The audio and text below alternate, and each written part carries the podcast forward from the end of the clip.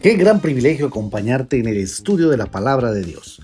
Bienvenido al podcast de la hora silenciosa de Palabra de Vida Guatemala. Descubriremos junto a ti los desafíos que Dios nos dará hoy a través de su palabra. Deseamos que hayas tomado un tiempo para leer con anticipación el pasaje del día de hoy.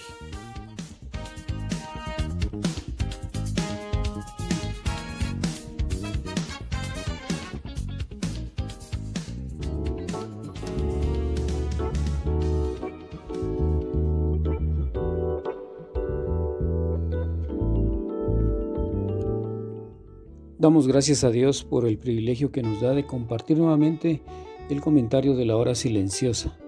Hoy estamos en 1 de Pedro capítulo 4 versículos del 12 al 19. Leemos en la nueva versión internacional. Queridos hermanos, no se extrañen del fuego de la prueba que están soportando como si fuera algo insólito. Al contrario, alégrense de tener parte en los sufrimientos de Cristo para que también sea inmensa su gloria cuando se revele la gloria de Cristo. Dichosos ustedes que los insultan por causa del nombre de Cristo, porque el glorioso Espíritu de Dios reposa sobre ustedes.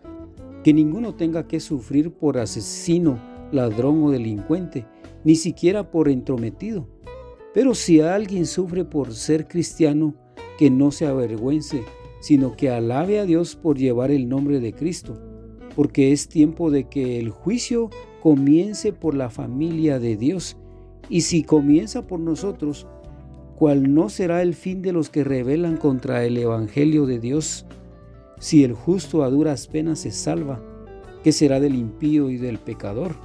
Así pues, los que sufren según la voluntad de Dios, entréguense a su fiel Creador y sigan practicando el bien. Pedro por tercera vez va a hablar y va a mostrar los beneficios del sufrimiento padecido por hacer el bien, dice él. Si soportamos los sufrimientos con el mismo espíritu con que lo soportó Cristo, vamos a obtener beneficios similares a los que él obtuvo. Esta sección del pasaje se divide en dos partes, dos motivos por los cuales los cristianos sufren en este mundo.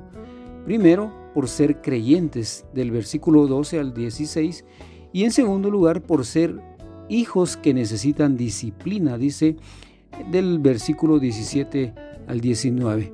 Entonces la primera parte va a exhortar a padecer como cristianos.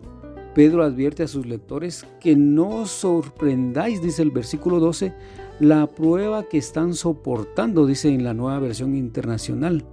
El verbo indica que deben dejar de extrañarse y lo está diciendo en tiempo presente.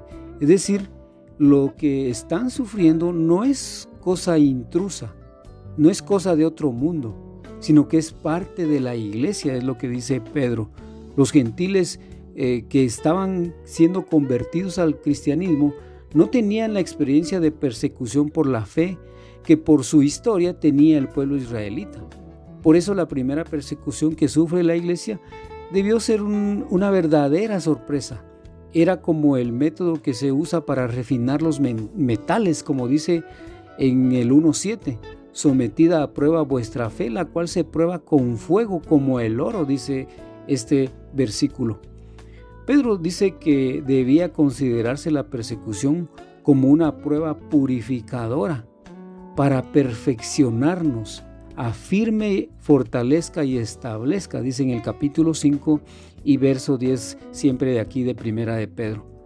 Pero el autor sagrado no les exhorta a tener resignación, sino que a regocijarse en medio de la persecución. Sufrir por la causa de Cristo debería causar regocijo debido a que a través del sufrimiento los cristianos se identifican aún más con el Señor. Compartir los padecimientos de Cristo debían de tener como resultado un gozo con Él, una comunión con Él, ser glorificado con Él y reinar con Él. Es decir, siempre que sufren en calidad de discípulos de Cristo, ¿no era esa la mejor señal, dice el versículo 14, de que el Espíritu glorioso de Dios descendió sobre Cristo para ungirle? Al ser uno mismo el Espíritu de Dios, el Espíritu de Cristo y también el del cristiano, tanto los sufrimientos como las glorias de Cristo deben de reflejarse también en el cristiano. Como ya lo había mencionado en el capítulo 2 y también en el capítulo 3, aquí en el capítulo 4, versículos 15 y 16, vuelve Pedro a insistir en que ningún cristiano debe padecer por ser un malhechor, por ser malo, sino por ser cristiano, por lo cual no se avergüence, dice el versículo 16, y más bien glorifique a Dios por llamarse cristiano. Aún el interferir en los asuntos de otras personas está fuera de lugar para los creyentes, como dice en, 1 Timoteo 5:13. Los cristianos podrían verse envueltos en, en manos de sus vecinos como consecuencia de una imprudente e impropia interferencia en las vidas ajenas. Pero el sufrimiento puede ser también una disciplina. Una disciplina que nuestro Padre aplica a sus hijos. Pedro añadió en el versículo 17 que Dios permite las persecuciones como juicio disciplinario para purificar la vida de los creyentes que están en la casa de Dios, la familia de Dios, dice en la nueva versión internacional. No puede olvidarse que aún las persecuciones que sufren los creyentes por causa del Evangelio entran dentro de la disciplina del Padre. Todo ello forma parte de la prueba de fuego, dice el, el versículo 12 que ya leíamos con anterioridad. Si los creyentes necesitan juicios disciplinarios terrenales, ¿cuánto merecerán el juicio eterno aquellos que no obedecen al Evangelio de Dios? Pedro citó Proverbios 11:31. Si el justo con dificultad se salva, dice el versículo 18, y esto era para enfatizar las demandas disciplinarias de Dios sobre sus hijos. Las vicisitudes de la vida son parte del cuidado constante de Dios. Sin embargo, desde el punto de vista humano, la disciplina siempre es dura. Pedro no está enseñando que la salvación se obtiene por medio de las pruebas o de las obras. Simplemente asevera que aquellos que son salvos no están exentos de los castigos disciplinarios temporales. Estos son como consecuencia natural del pecado. El escritor de Hebreos también apoya a Pedro y lo dice en Hebreos 12:7. Si soportáis la disciplina, Dios os trata como hijos. ¿Qué hijo es aquel a quien el Padre no disciplina? Finalmente el versículo 19, los creyentes podían estar seguros que estaban siendo llamados a sufrir según la voluntad de Dios. Si no habiendo cometido delitos, sufrían exclusivamente por llevar el, nombre de Cristo. Pedro animó a los santos, a los creyentes, que sufrían a soportar por medio del ejercicio de la fe como la de Cristo. Así como Cristo se encomendó a su Padre, Él juzga justamente, así los creyentes encomienden, es decir, depositen, confíen sus almas al fiel Creador y seguir haciendo el bien. Por eso, vívelo. Debemos entender que ser cristiano es también llevar la cruz del sufrimiento que Cristo llevó. Debo tener la actitud correcta, lo cual nos hace partícipes de su gloria eterna. ¿Sufres ahora?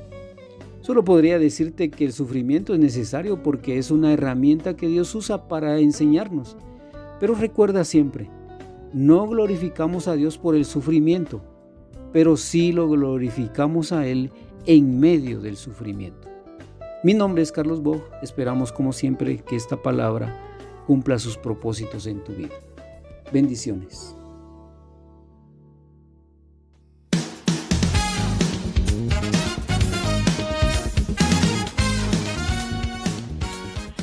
Es emocionante saber los tesoros que Dios tiene en su palabra para nosotros. Ayuda a tus amigos a que descubran la voluntad de Dios para su vida. Comparte este podcast con ellos.